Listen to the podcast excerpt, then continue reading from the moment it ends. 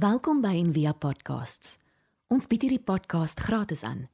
Om 'n bydrae te maak, besoek gerus ons webblad en via.org.za vir meer inligting. Ons gaan um, vir oggend afsluit met die boek Filemon. En nou gaan ons vir oggend oor Onesimus praat en ehm um, dis moeilik want hy sê niks nie. So hier's 'n brief is 25 verse en na 10 verse word net die naam Onesimus genoem. Dis al.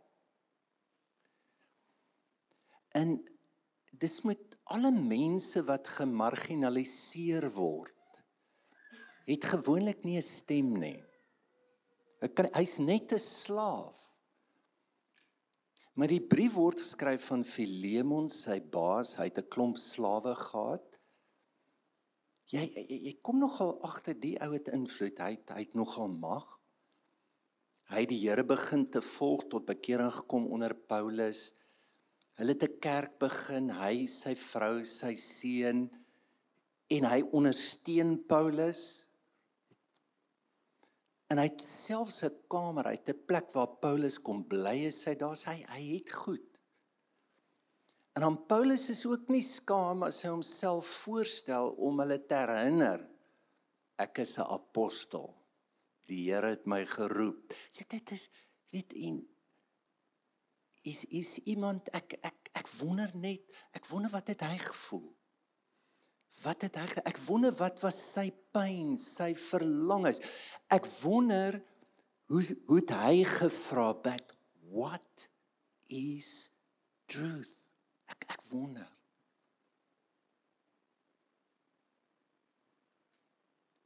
Ek ek ek kan my nie indink hoe bang hy was want hy hardloop weg. Hy hy weet daar's 'n prys op hom.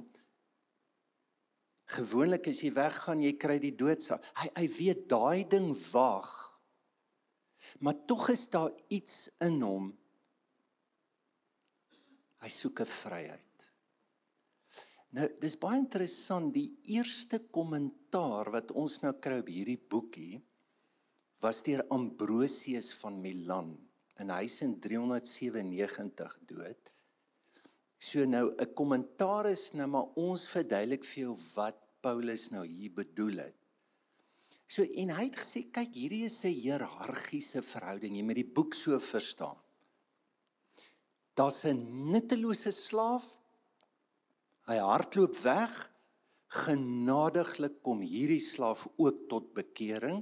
Stoe hy vlug, kom hy by Paulus uit gee sy hart vir die Here en nou gaan hy terug as 'n nuttige slaaf.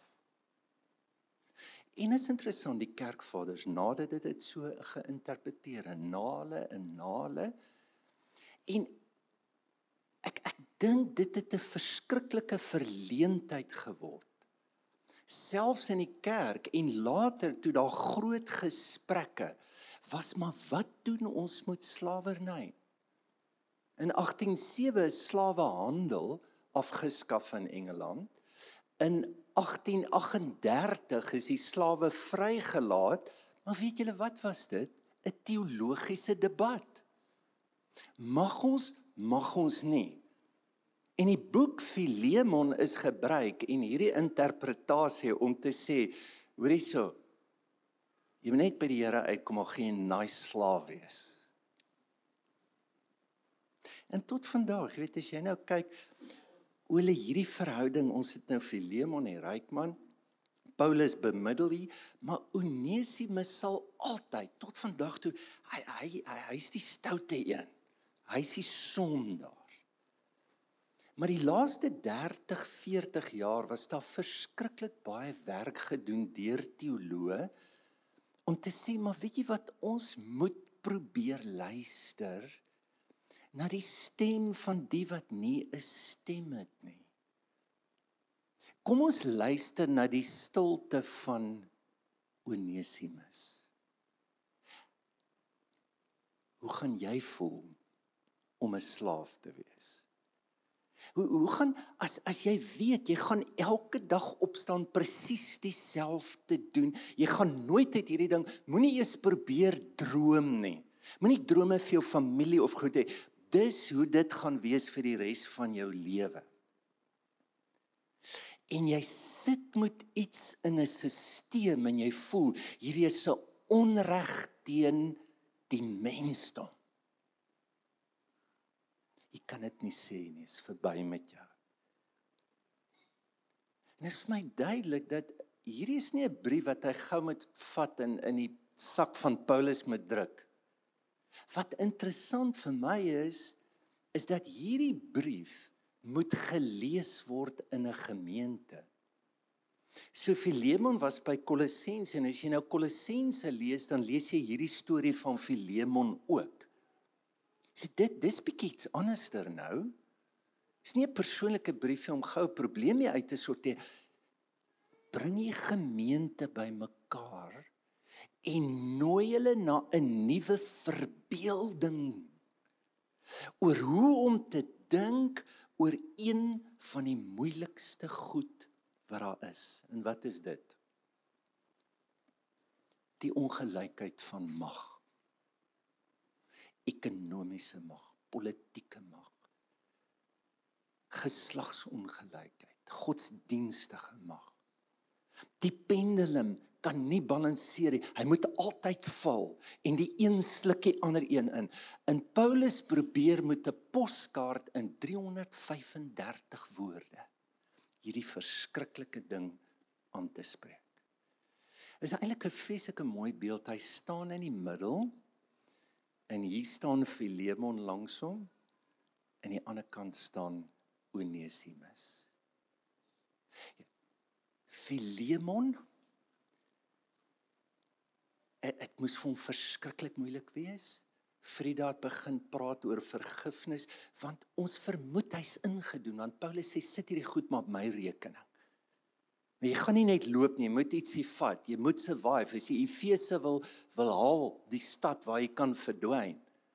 So okay, nou hoe gaan hy nou hierdie ding hanteer? En die groter probleem nou het hy tot bekering gekom. Jy moet dit vashou. Wat dit beteken het jy het saam almal het nou saam geëet. So gaan dit gaan dit wees as die ander slawe eenkant is oor Onesimus my broer. Jy kan hier by ons kom sit aan die tafel vanaand. En dan Christene het mekaar gegroet met 'n broederlike kus of 'n heilige kus. Kom jy Onesimus, jy net ou drukkie gee. Wat van die ander slawe? Dink net hoe gaan al die slawe onmiddellik bekeer. Die Here begin volg om uit hierdie kyk kan nie kan nie net dis 'n verskriklike moeilike ding vir Filemon. Vir Paulus wat hier in die middel staan. Ek bedoel wat hy moet doen is hy moet hom rapporteer. Dis wat die wet sê. Van 'n was slawehandelaars wat ouens weggesteek het want hulle was baie werd en dan hulle hulle verkoop. Dis eintlik wat hy moet doen. En dan het hy hierdie jong verwilderde seker vreesvolle kind wat hy heenkome soek. Hy moes hom seker hoor praat het by Filemon. Sy daar kom kerk hou. En toe hy vlug, is hy dadelik na Paulus toe. Net so ietsie oor Onesimus. Ehm um, goed, jy weet dis dis die einde van jou lewe se kwessie van tyd. Jy weet nie of jy dit gaan maak nie. Hy lewe met dit.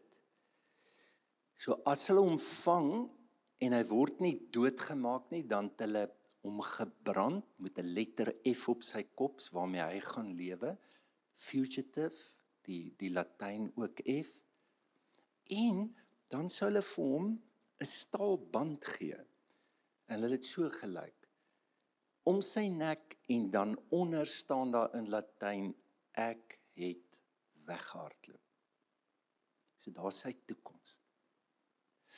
Nou dink net vir 'n oomblik, hoekom sit hy by Paulus? Ek het 'n dak oor my kop. en ek het 'n Christen baas. Is dit nie nice nie? Dit kon baie slegter vir my gewees het. Hy's nie tevrede nie. Kyk en en, en dis die probleem, nê?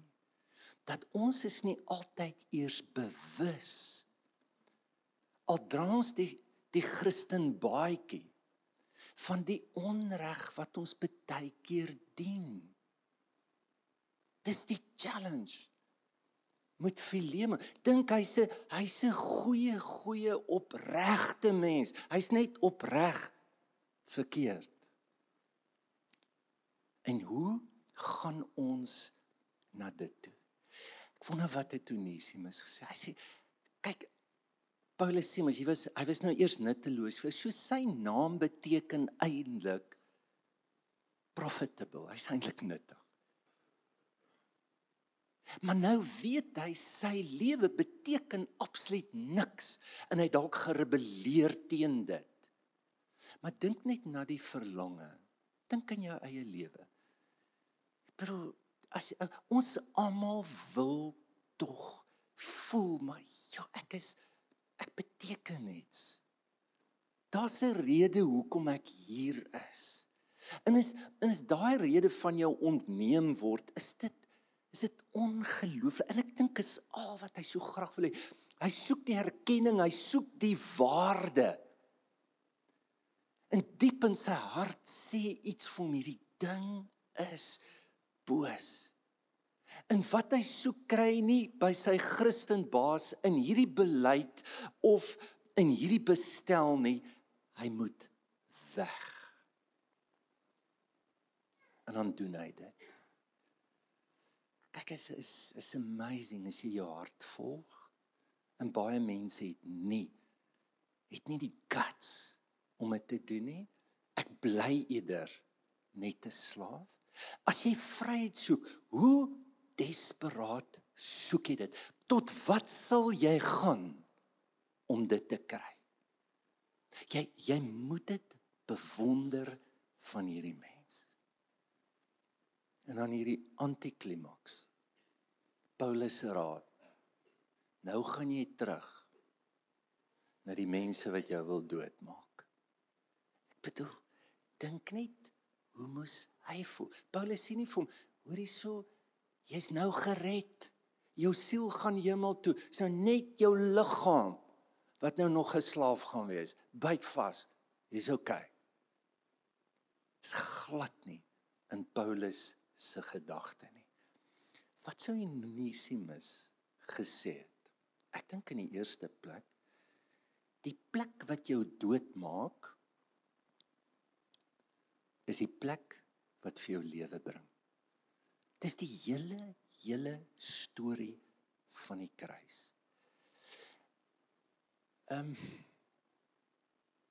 ek ek wonder, jy weet ook nou hierdie week dink te wonder ek wat se tipe persoonlikheid het hy ook gehad? Hy hy, hy dalk verlang na hy hy's dalk 'n avonturier. En ek ek sê vir gisterand vir Wilma, ek is so sy bied nou ver oggend weer die enneagram. Ek is so bly ek kon in hierdie gemeente die gawe ontvang om meer van myself te verstaan want ek is ook so ek soek altyd nuwe goed. En ek sou 10 jaar nou lankal nog aan 'n kerk ook weer begin het. Want ek ek ek voel net altyd daar's beter goed. Ek weet nie hoekom ek so voel nie. Ek ek oortuig myself. Ek het nou hierdie is 'n belydenis 6 jaar uitgehou met my kajakke wat ek gevoel dan voel ek ek het daai nuwe een nodig. Sê dis jy daai is jou nommer. Die Here kyk vir jou. En dan ek weer is, maar Desember in 'n oomblik van swakheid. Toe oortuig ek my jy raak oud. En daar is kajakke wat 3 geliefdes 3 kg ligter is as die wat ek het. Ek het hulle nog nie maar ek het myne verkoop, ek het nou niks nie. Ek weet nie hoekom is dit so. Maar maar en ek dink daai ding sit in ons almal, maar vir party ongelukkig dra verskriklike ding. Die geloof is as jy net nou kan wegkom van waar jy nou is. En dis wat ek doen, ek loop weg. As dit moeilik raak, loop ek weg. Of as dit moeilik raak, glo ek is net 'n kwessie van tyd.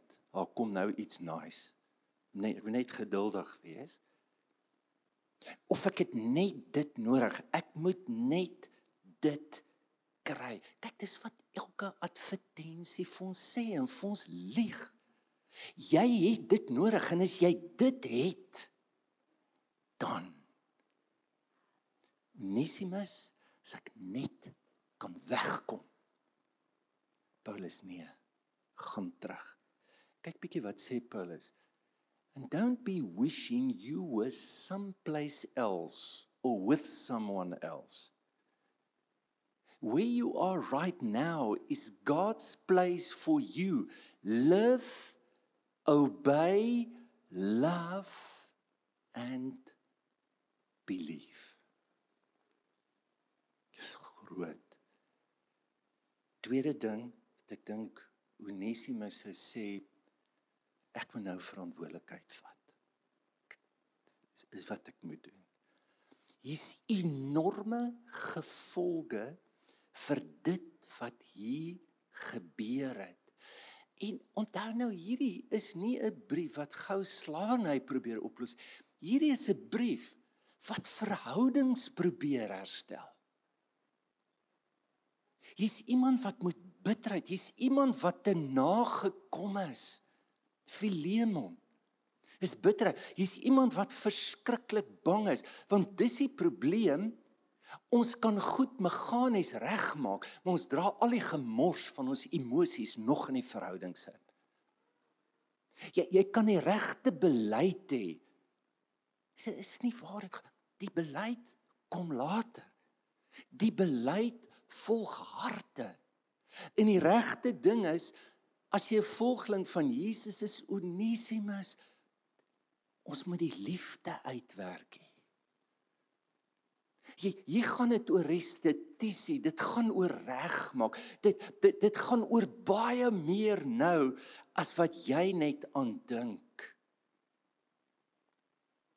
Ek ek dink ons te verskriklike gemors gemaak met wanneer ons praat oor redding in iemand wat na die Here toe kom, in iemand wat bekeer is of saved is so asof jy onmiddellik van al jou verantwoordelikheid onthef word. Dis is jou kaartjie. Dink ek het dit al vertel, ek se nooit vergeet nie toe um, ek na Richard Rohr begin luister het so seker 10 jaar terug. En hy praat hy het in die gevangenis gewerk met mense en hy sê die woord hy sê oh my god not another prison conversion Tog dis nie nice nie. Jy moet bly wees. Hy sê dis great as jy bekeer, maar as jy bekeer om vroeg op parol te kom. Dan sê hy die probleem is net dis baie keer die verkeerde een in jou wat bekeer. Dis die vals self wat bekeer. Hy sê as jy laat jou laat doop, maak net seker wie jy jou laat doop in jou. Is is nie 'n kaartjie wat my nou vinnig vryspreek. Skryf dit in die Wes-Kaap. Is interessant nê dat alle bende leiers bekeer op een of ander tyd. Weet jy hoekom? Dan kan jy wat jy doen dieper wegsteek onder jou godsdienstigheid.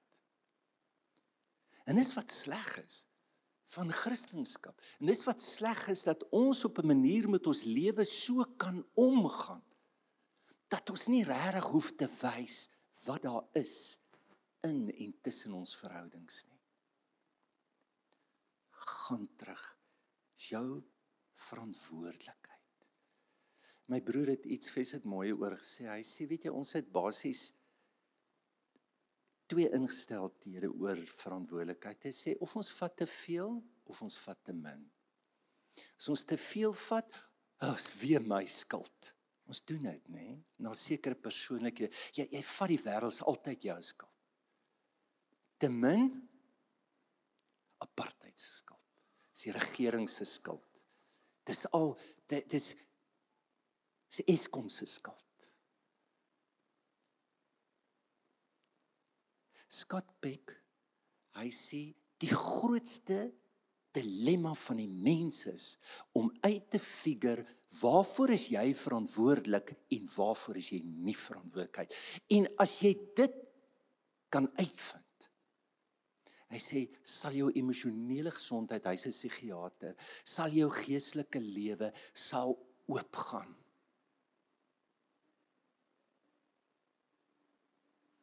Waarvoor vat jy verantwoordelikheid Onesimus? Wil jy nie live live with a true sense of responsibility.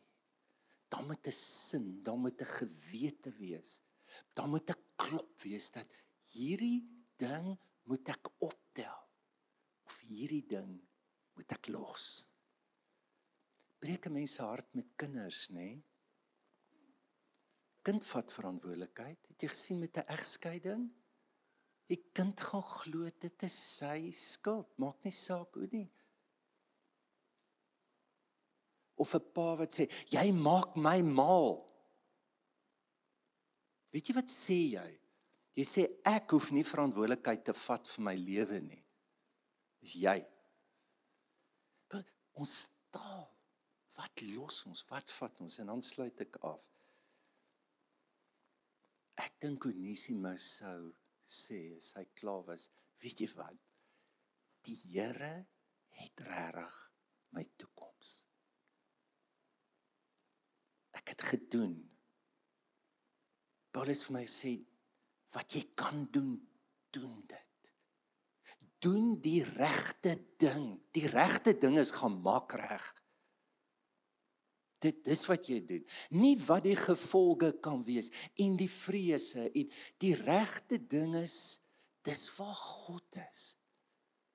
God leef in verhoudings. Gaan in dit en doen wat reg is. Leef met die Here. Vra hom saam. Kyk wat gebeur in jou toekoms In die 25 verse 6 keer sê Paulus hierdie woorde. Gebruik hy Jesus is die Here. Die woordjie Here, kurios, net die keiser mag hom gebruik. Kyk, hy's ongelooflik cheeky om dit te doen. Ek as die Romeinse ryk hierdie brief moet kry, is dit goodbye met hom. Op 'n manier, kyk hy begin ook sommer sê ek's gevange van Jesus. Moenie dink julle het my nie, julle klomp losers. Jy gaan nie iets doen aan my nie. Is die Here. Weet jy wat s'ie verskil? Doen dit. Weet jy wat? Die Here gaan met jou. Is nie jy alleen nie. Jy's maar Paulus se kan doodgaan, ja. God gaan nou saam met jou. So ek wens ons kon 'n ander brief kry of ek wens hy kon iets skryf, maar wat ons in die kerkskiedenis weet is dat Ignatius van Antiochië skrywe oor Onesimus wat Efese toe was en wat 'n pastoor en wat 'n biskop daar geword het. En die Grieks-ortodokse kerk vereer hom as heilige. En weet jy wat het hy gedoen? Hy het passievol al Paulus se briewe gaan soek, gekry, bymekaar gemaak. Ons het dit vandag se Bybel, 'n groot rol gespeel. Van slaaf na biskop. Ek wil vir jou vra na watter plek toe moet jy teruggaan? Ek voel dit waarna toe moet jy teruggaan? En is baie baie moeilik vir jou. Watter verantwoordelikheid moet jy vat? En watter verantwoordelikheid moet jy los? Ek het gedink, um, kom ons vat net 'n oomblik en Ons sluit af met 'n lied en en wil jy God nie net nooi ja en en vertrou hom vir jou toekoms al lyk dit so moeilik. Toe wat hier gebeur is 'n onmoontlikheid.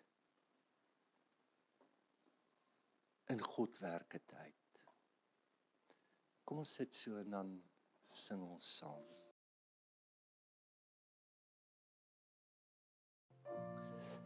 Kom ons bid saam. Here baie baie dankie dat u gees op ons plaas. Op daai plekke wat vir ons verskriklik moeilik is. Nou sit ons nie fisies in 'n tronk nie, word ons baie keer net slawe van of ons omstandighede, ons verhoudings of selfs van ons verlangens. Here wys ons ver oggend wie ons kan wees, wie ons behoort te wees. Dankie vir die belofte soos Onesimus wat ons kan vrybreek in 'n nuwe lewe. Omdat U regtig die Here is oor alles wat ons bind, alles wat ons vashou. Dankie daarvoor in Jesus naam. Amen. Ons hoop van harte jy het hierdie podcast geniet of raadsaam gevind. Besoek gerus en via.ok.za vir meer inligting.